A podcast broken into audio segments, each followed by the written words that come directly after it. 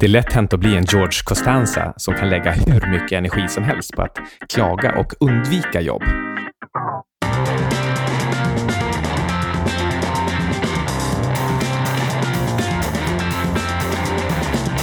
Du lyssnar på 25 minuter, en konversation om personlig utveckling. Producerad av Trade Venue AB. Vi har ett syfte i det här programmet och det är att ge verktyg och inspiration till förbättring. Jag heter Carl Mikael Syding. Med mig har jag alltid Ludvig Sundström. Tjena Ludvig! Hur är läget idag? Eh, det är inget särskilt, det är bra antar jag. Hur är det själv? Ja, det är väl ungefär samma sak här. Fåglarna kvittrar eller skränar här utanför och Ronja längtar efter en promenad. Det är härligt väder ute, så eh, jag är glad. Ja, men kul. Vi ska ju snacka om att... eh, lycka, att bli lyckligare med objektivism, stoicism och flow och mindfulness idag. Ja, just det. För man blir ju jättelycklig av filosofi på lång sikt så tror jag att man blir ganska mycket gladare, eller kanske inte nödvändigtvis lyckligare av att läsa filosofi, men jag tror att man blir mindre dum och eh, bättre på att tänka och på så sätt inte gör, man blir inte olycklig för skitsaker. Jag tycker att det, det bygger en slags långsiktig lyckopotential, en slags basnivå som man kan utgå ifrån och sen får man eh, spä på den med tillfälliga pikar av mer akut och intensiv lycka. Ja, men du, här kommer någonting lurigt. Vet du vad Al Capone och Joseph Kennedy, alltså JFKs pappa, vet du vad han och Al Capone hade gemensamt? Nej, det vet jag inte. han, eh, båda två av de här tjänade sina förmögenheter på att smuggla sprit under depressionen i USA det är lite kul att Al Capone, han blev, eh, som alla vet, en skurk och public enemy number one. Liksom. Eh, Medan Joseph Kennedy, JFKs pappa, den familjen är typ en av de största och rikaste familjerna i USA och anses vara jättelegitima och så vidare. Mm, vinnarna skriver historien. Det kan man lugnt säga. Eh, men på tal om det, en av dem som faktiskt satte dit Al Capone, det var en eh, agent på skattemyndigheten i USA, alltså IRS. Och han hette Tessen i efternamn. Sen när han var gammal, då skrev han en biografi om det här. Och då berättade han att han jagade Capone, alltså, jag vet inte hur många år, men det är flera år i alla fall, utan några som helst framsteg. Men ändå så fortsatte han att eh, leta olika saker och hit, till slut hittade han några spår som ledde till att man fick, man, man fick fast Capone för skattefusk. Men det intressanta för mig med det här det är att trots att han snokade noggrant i flera år, alltså de första åren, så hittade han inga bevis som helst för att Al Capone tjänade mer än ett par hundra dollar. För han hittade inga ägodelar, han hittade inga checkar som Capone skrivit under. Han var väldigt lurig. Eh, när han egentligen i själva verket hade miljoner dollar per år. Men till slut så fick de dit honom. Men det tog lång tid. Det, men det som, det som jag, slutsatsen som jag drog av det här, det är liksom att visst, å ena sidan så kan man ju tänka att den här killen Tessen, han var duktig för att han till slut fick, fick fast Capone och inte gav upp och så vidare. Eller att liksom, ja, intressant att han lyckades bibehålla sin motivation utan att få någon vidare positiv feedback under flera år. Så skulle man kunna se på det. Men jag tänkte inte så, utan jag tänkte snarare så här, jag skulle inte vilja leva mitt liv som den här Tessen. Tänk dig att du lägger flera år av ditt, av ditt liv åt den huvudsakliga sysselsättningen, att bara fokusera på en annan persons liv. Ja, alltså det är ju verkligen en, en riktig second-hander som eh, Ayn Rand skulle sagt, eller med eh, ja, hennes filosofi. Objektivismen har det som, som terminologi när man lever för andra eller genom andra. Och det är en, eh, ja, det är en, det är en ganska trist, trist, trist sätt att leva sitt liv på. Ja, det skulle jag vilja tycka. Mm. Och, och, jag skulle heller definitivt inte vilja leva på det sättet. Samtidigt som man på ett sätt kan säga att det du och jag gör med våra bloggar och den här podcasten, det är att vi, vi skriver och skapar saker för andra. Men samtidigt så, så är det ju egentligen så att vi gör det här för oss själva vi håller på att strukturera upp vår, våra common places och den information vi har och det som får, gör våra liv meningsfulla. Och sen lägger vi ut våra common places publikt för att hjälpa andra. Och, och då blir det, då har man liksom framat om det här att, att leva för eller genom andra till att vi faktiskt eh, lever helt och hållet för oss själva. Men delar med oss av det också. Och där kan man ju kanske skruva om den här tessen. Visst, å ena sidan kanske han bara var en väldigt plikttrogen anställd. Lite av en drönare. Jag har fått ett jobb, jag utför det. Men det kan ju faktiskt också vara så att han var metakognitivt medveten. Han visste precis om vad han gjorde och varför och faktiskt såg det här som en, den kanske svåraste och viktigaste utmaningen han kunde komma på. Tänk att sätta dit Public Enemy nummer ett. För allas bästa skull. Och inte minst för, för sin egen intellektuella tillfredsställelses skull. Jag kan göra det här. Jag kan åka till månen eller jag kan sätta dit Al Capone. Då är det faktiskt en helt annan sak. Det är meningsfullt på, på ett helt annat plan. Ja, det, det framgår inte utifrån vad jag läste hur det verkligen förelåg. Så du kan ju ha helt rätt. Men det, min tolkning var bara att, eh, nej så vill inte jag leva mitt liv i alla fall. Det är precis på samma sätt som att jag föredrar hellre att läsa coola böcker som jag gillar av eget intresse än vad jag gör att typ sitta och kolla på nyheterna och liksom höra att ah, nu är det Brexit och nu är det den här och den här har gjort det här och så här. Ja, då, då läser jag hellre en bok istället för att kolla på vad, reagera på andras liv. Mm, och det håller jag verkligen med om. Mm. Ja, vi, eh, vi kom ju in på eh, objektivismen här. Som, eh, ja, du kan väl kanske kortfattat dra vad, hur du ser på den. Okej. Okay. Um, jag skulle sammanfatta objektivism med att säga att alltså ordet ego, det är någonting som i kultur, populärkultur, särskilt svensk kultur, är, ses som någonting negativt. Det ses som en negativ sak att vara självisk. Men i själva verket så är det en hälsosam sak. Man ska vara egoistisk. Man ska bry sig om sig själv först och sen andra. Liksom, du måste först lyckas innan du kan bry dig om andra och eh, eh på, på riktigt vara glad för andra. Om du är en förlorare, då, då, är det, då vill du bara att andra ska förlora. Men om du är en vinnare, då kan du se till andra och tänka, ja, men bra gjort, och vara positiv liksom. Så det, det, är en sak. Alltså ambition är en bra sak. Det är bra att vara egoistisk, det är inte en negativ sak. En annan sak... Nej, och... och ähm, ja, vänta, jag får hoppa in där. Ähm, ja. Och bara för att liksom, det är så lätt hänt att man reagerar på ordet egoism och tycker, vadå, egoism är ju dåligt. Det är definierat som dåligt. Men det är lite typiskt Ayn Rand och objektivismen att vrida om de här orden till deras etymologiska grund. Det vill säga att det helt enkelt det är bara fokuset på jaget. Det har inte att göra med att man gör något dåligt för andra eller att man inte bryr sig om andra, utan det har mer om att, att man utgår från jaget. Till exempel som du gör på ett flygplan när syrgasmaskerna faller ner. Det är order på att du tar din egen syrgasmask först, för sen kan du hjälpa andra. Ja, det, det är den här... Det är lätt hänt att saker blir extremt vad ska man säga, polariserade. Liksom, att du sätter två saker i extrema motpoler, liksom, egoism och altruism. Och det är, visst, det finns säkert, det finns bra grejer med båda liksom, men det är, man ska akta sig för att bara ta någon annans definition där. Mm, och Det har ju så mycket med tidsperspektiv och omgivning att göra. Eh, om du pratar om Eh, Eh, saker som karma, att allting du gör kommer tillbaka till dig själv, då blir det i slutändan så att allt altruistiskt du gör är egentligen egoistiskt. För du gör det för att, för, för att få ett bättre liv i nästa liv och förr eller senare komma till nirvana.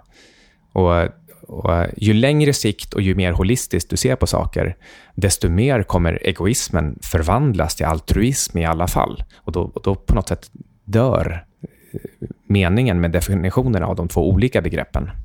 Mm, bra, bra observation. Man är alltid egoistisk, även om man är altruistisk. det där är ju ganska kul också. Det är många personer som tänker sig att de, de vill liksom låtsas vara väldigt osjälviska, medan det i själva verket bara grundar sig i dåligt självförtroende. Men eh, en annan sån här väldigt viktig grej från objektivismen, som jag skulle vilja sammanfatta det med, det är att helt enkelt ta, ta eget ansvar för dina handlingar och din, din tankeprocess. Var mer rationell och eh, skyll inte bort när det inte går som du vill, utan försök hitta en konstruktiv lösning. Ja, eh, man, eh, alltså frihet under ansvar helt enkelt. Om, om du ger dig själv och andra frihet och du tar ansvar för vad det leder till, då, då anstränger sig både du och andra också för att, att göra riktigt bra saker. Men om du ska gå runt och, och, och killgissa om vad, som, vad andra vill ha eller vad som skulle kunna vara bra för andra, då, då blir det bara halvmesyrer hela tiden. Så det är bättre om du, om du själv gör det som är bra för dig, så länge det inte inkräktar eller skadar på någon annan. Då, då skapas ett större mervärde som, som sprider sig. Mm. Eh, och den sista saken som jag skulle säga om objektivismen, det är att eh, folk vill gärna hitta anledningar att klaga eller hitta ursäkter istället för att eh, sätta sig ner, tänka lite, jobba hårt och hitta en lösning. Det är till och med så att eh, det är lätt hänt att bli en George Costanza som kan lägga hur mycket energi som helst på att klaga och undvika jobb.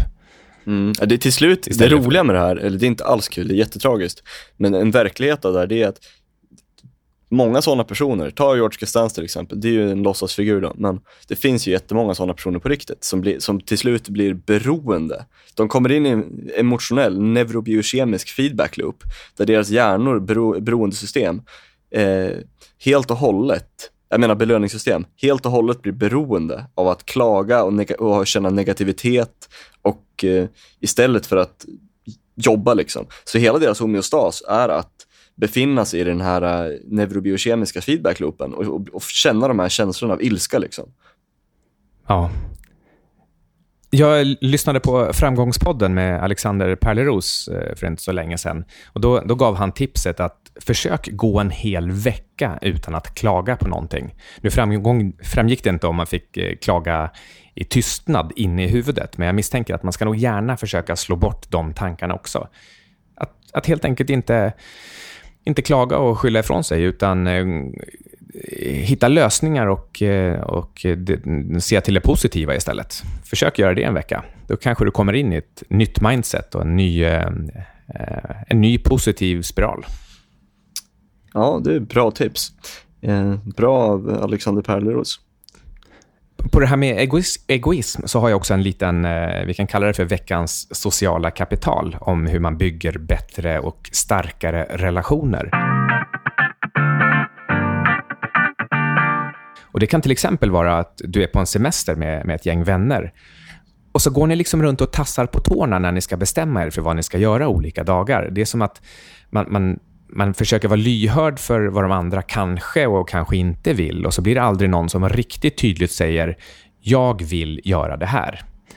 Och istället för att vela fram och tillbaka, vara onödigt lyhörd utan att vara tydlig, eh, så istället för att hålla på och försöka curla dina vänner, så, så ska du helt enkelt bara vara väldigt tydlig. Jag vill göra det här, men jag är också öppen för kompromisser då blir det plötsligt mycket enklare och tydligare för de andra att säga okej, okay, men jag vill göra det här. Då kan man komma till, eh, till en snabb och mycket tydligare och starkare slutsats om vad gruppen faktiskt vill uträtta. Ja, det där låter som ett bra tips till konflikträdda svenskar. När det kommer till objektivism i vardagen, med hur, eh, hur det kan göra en mer lycklig, i alla fall för mig, något som jag reflekterar över sen jag anammat vissa delar av den lilla filosofin, liksom, det är att eh, först och främst känna att man får ta ansvar för sina egna val och förvänta sig att andra ska göra detsamma. Och sen de som inte gör det, de får skylla sig själva helt enkelt. Men eh, det är, inte, det är, det är utanför, det, ska, det skiter jag liksom i. Jag fokuserar på mig själv och eh, försöker göra så gott jag kan. Och det, det är en betryggande tanke tycker jag. Eh, men samtidigt så är man mer neutral och accepterande. Lite mer liberal inställning till andra personers åsikter istället för att döma dem.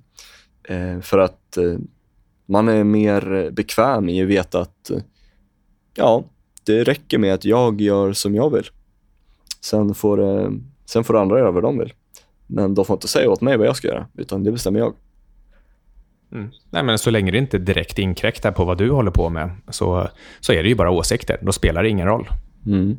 Och sen en sista sån här sak, det är det skulle man egentligen kunna avancerat säga att det, det, är ett sätt att sublimera, som Freud hade sagt. Det är ett sätt att sublimera sin eh, gudadyrkan till ett mer rationellt sätt. Nämligen att beundra driftiga människor och teknologiska underverk och bli glad för hur långt mänskligheten har kommit för att sen vara primitiva grottmänniskor. Och bli lycklig för de här sakerna som är tecken på hur långt vi kommit som en ras och som en civilisation. Istället för de här primitiva sakerna som typ Eurovision Song Contest eller nyhetsblaskor. Där det bara är så här väldigt primitiva triggers. Så här, ah, vi mot dem, attackera, ah ja, eh, jag håller eh, förstås med.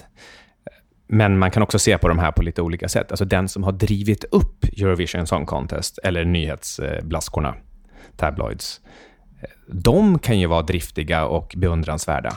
Medan däremot själva eh, produkten och de som ingår i produkten är mer primitiva och inte några direkta rollmodeller. Vi, ehm, vi, har, vi har en, en bok per filosofiskt område idag. Vi får väl eh, se om vi får med alla. Men eh, på temat objektivism så är det då förstås Ayn Rand och eh, vi har valt boken The Fountainhead. Den är lite lättare att läsa än, än Atlas Shrugged och kanske till och med också på något sätt en, en bättre bok rent litterärt, även om jag egentligen gillar Atlas Shrugged mer. Men, eh, men Fountainhead kan man verkligen gärna läsa för att få med sig objektivismens grundvalar utan att få dem direkt inhamrade i sig i en torr filosofibok.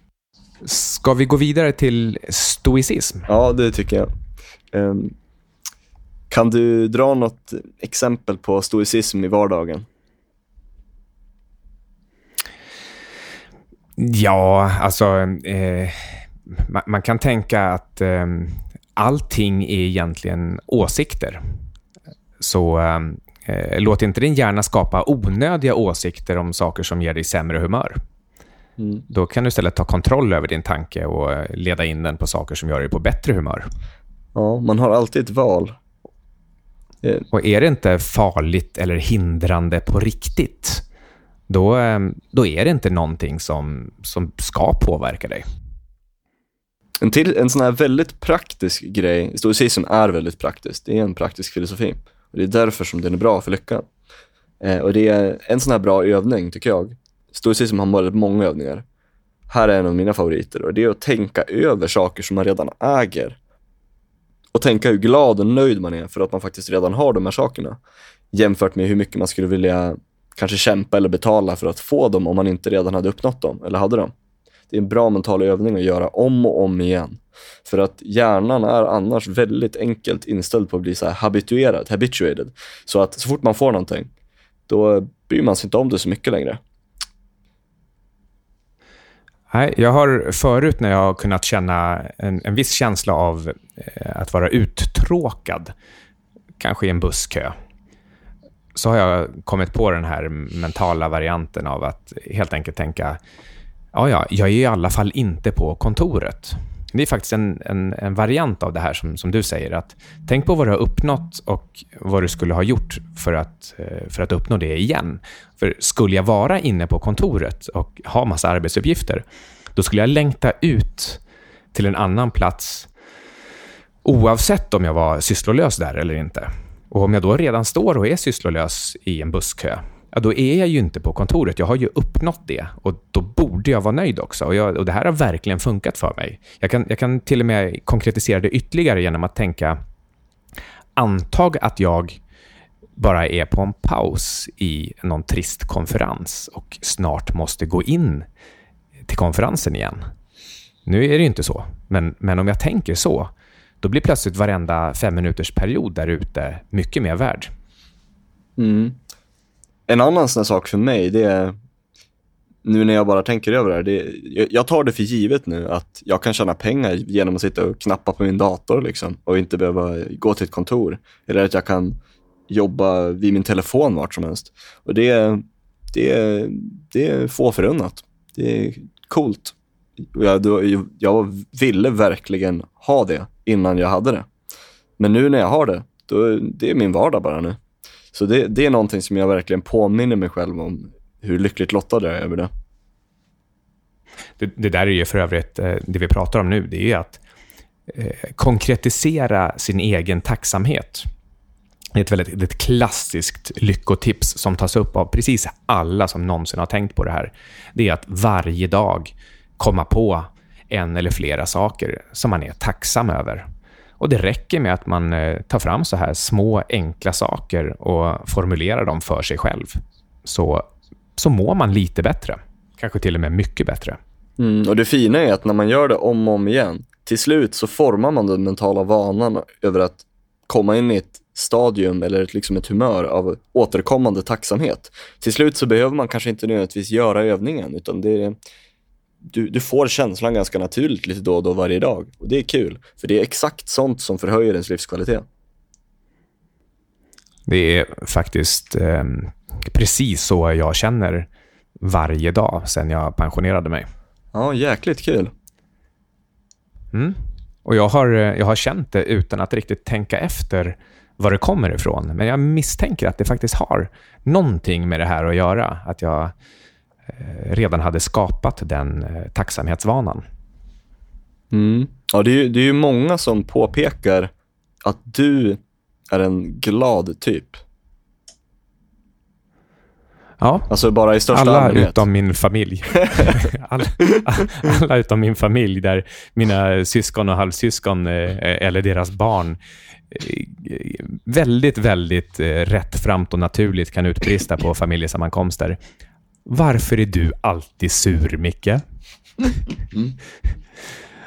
Ja, så det, det, är kontraster. Och där sitter jag och är alldeles eh, överlycklig inombords.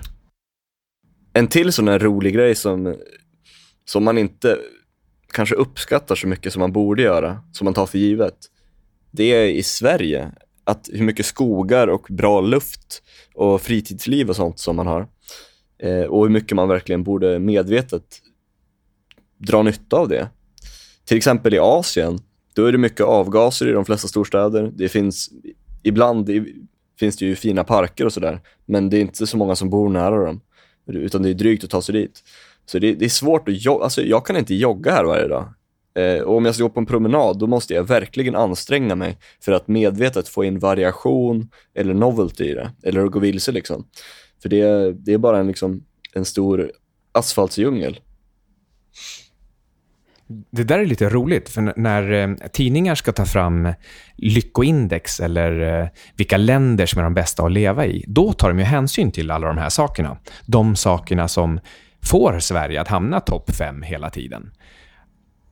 Men, och, och, det är saker som man, som man borde vara tacksam för, men som vi tar för givna och därför inte ens använder. Och Jag kan tänka mig att det är lätt hänt när man läser en sån här, ja, nu är Sverige nummer två i världen på bästa landet att leva i. Och så tittar man i det och så ser man att det har att göra lite grann med allemansrätt och lite alla möjliga saker, vårdsystemet kanske. Men, men när man läser det så tänker man bara, åh, men genomsnittslönen då? Jag skulle vilja ha 25% högre lön. Ja, ja, om man jämförs liksom. På tal om det här, jag läste en väldigt intressant kort åsiktsartikel av historikern Herman Lindqvist häromdagen. Där han, han sa en massa grejer, men en grej som jag snack, snappade upp från den, det var att vi i Sverige och Norden, vi är för lata och vi jobbar inte hårt nog och vi kommer bli överkörda och eh, utkonkurrerade av ri, framtida rika asiater som kommer semestra i, i våra länder och liksom ta våra turistorter medan vi får jobba för dem.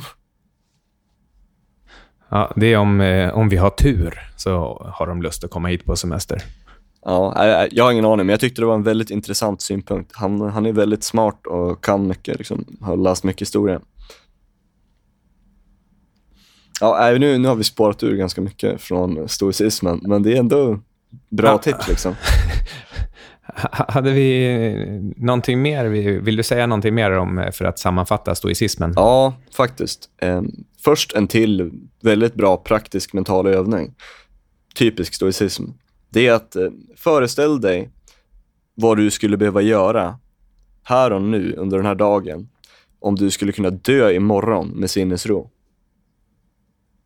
Alternativt, ja, och jag... alternativt ja. att du ligger, när du ligger och ska sova, tänk över liksom, om jag dör nu, skulle det vara okej? Okay? Eller skulle jag känna mig som en total misslyckad person?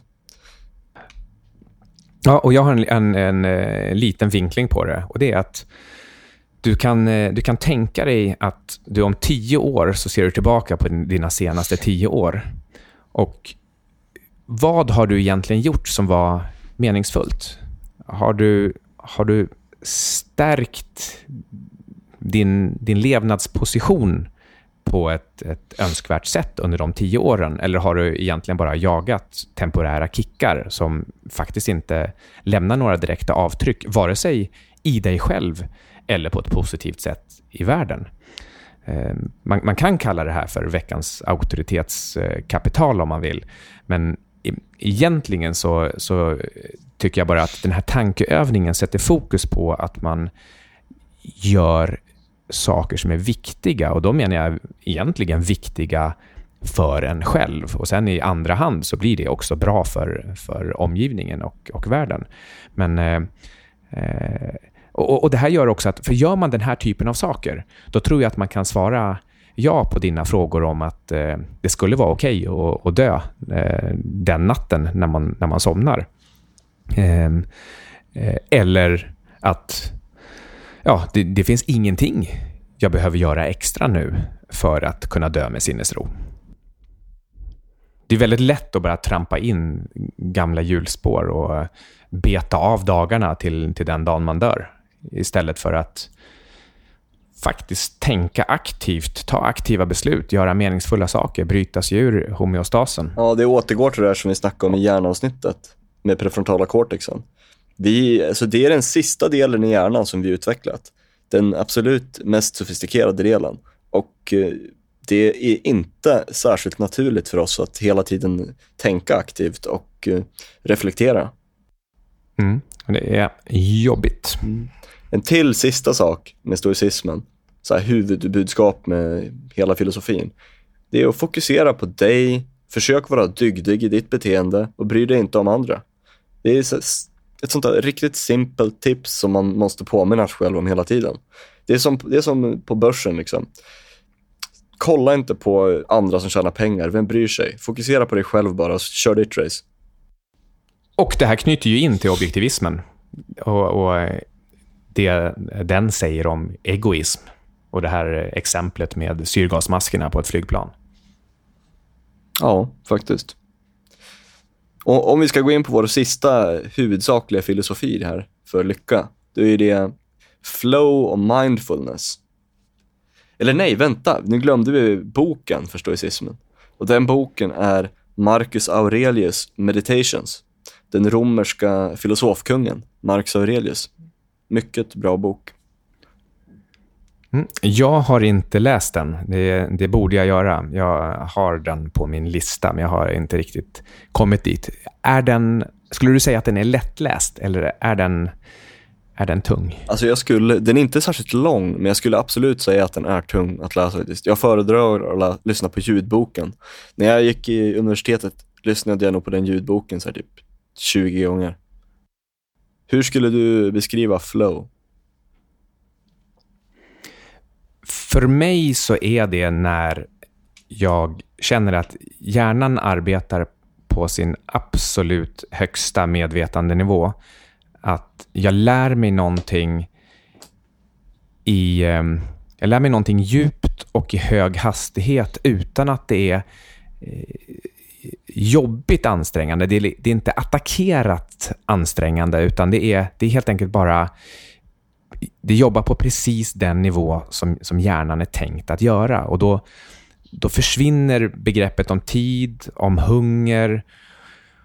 Och egentligen så känner jag en slags, en slags eufori. Ibland kallar jag det här för att det, det nästan kittlar i hjärnan. Jag läser eller skapar eller uträtta någonting och allting liksom faller på plats av sig självt hela tiden. Och precis när jag behöver ett ord eller en tanke eller ett nytt, en, en ny vinkel på någonting, då, då kommer den automatiskt när jag, när jag jobbar. Den, den, den här typen av djupt koncentrerat och faktiskt eh, lyckofyllt eh, tillstånd, det, för mig är det flow. Ja, det, jag, jag skulle nog eh, säga ungefär samma sak. Det är, det är väldigt bra. Man skulle kanske säga att att hitta ett arbete eller en, en slags karriärsbana som gör att du regelbundet kan komma in i flow varje dag.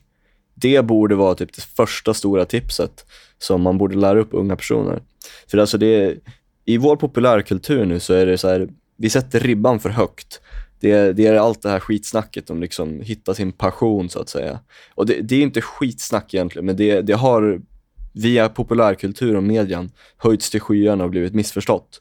Och eh, vad man istället borde säga är, istället för att försöka leta efter någon jäkla passion, så borde man bara nöja sig med att hitta en aktivitet som försätter en i flow, som man kan göra på ett koncentrerat sätt och eh, koncentrera sig på och eh, kunna bara fokusera på den aktiviteten och tycka att den eh, inte är nödvändigtvis inom citationstecken rolig, men eh, att man, man, allt annat faller bort och man kan bara syssla med det här och tiden bara flyger förbi.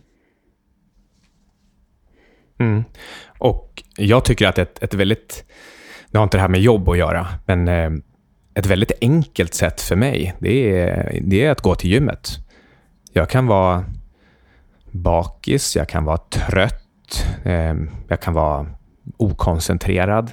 Nästan vilket sinnestillstånd jag än är i, så när jag väl har klarat av några minuter inne på gymmet, då hamnar jag i någonting som påminner om flow. Jag bara tar en repetition och ett sätt och en övning till hela tiden. Och, och, och njuter av hela processen, trots att jag ofta ändå i enstaka sekunder kan stå och vara liksom nästan rädd eller ovillig, men, men det är ändå en slags, en slags flow som är väldigt njutbart. Ja, man kan egentligen säga jättemycket om flow mindfulness, men i slutändan, om man ska vara lite eh, konkret, liksom, så är det att god koncentration behövs dels för att göra högkvalitativt arbete och bli framgångsrik, men också för att njuta av livet. Du behöver koncentration för att kunna njuta av ögonblicket och vara närvarande här och nu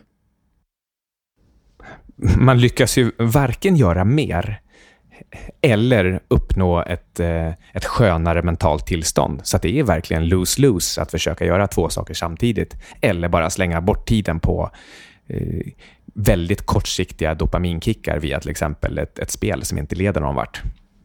Ja, det finns en jätte, jättebra bok om det här och också som har mycket att göra med liksom lycka mot olycka. Och Den här boken heter Flow och eh, vad heter författaren nu, Micke? Mihai Csikszentmihalyi. Jättesvårt Han namn att stava. Ungersk, va? tror jag. Ja, det är, alltså stavare är helt omöjligt och eh, uttalare är ganska svårt. Det här är i alla fall en extremt bra bok som jag rekommenderar alla att läsa. Och jag blev faktiskt rekommenderad den här boken av den nu döde finansmannen och eh, industrikillen Sten K Jonsson som bland annat eh, är känd via Midway. Ja, men eh, det här programmet har... Eh, ja, det blir eh, ännu en utmaning för eh, vår klippare Johan Olsson. Han får jobba övertid den här veckan, tror jag. Eh, och förutom Johan Olsson så... Ja, det här produceras av tradevenue.se, så vi får tacka dem.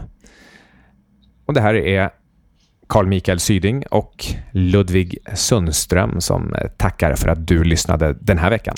Tack och hej. Tack och hej. Och en sista sak. Glöm inte bort vårt lyssnarbrev. Där kommer vi skriva alla resurserna vi nämnt idag. Böckerna och eh, lite annat smått och gott också.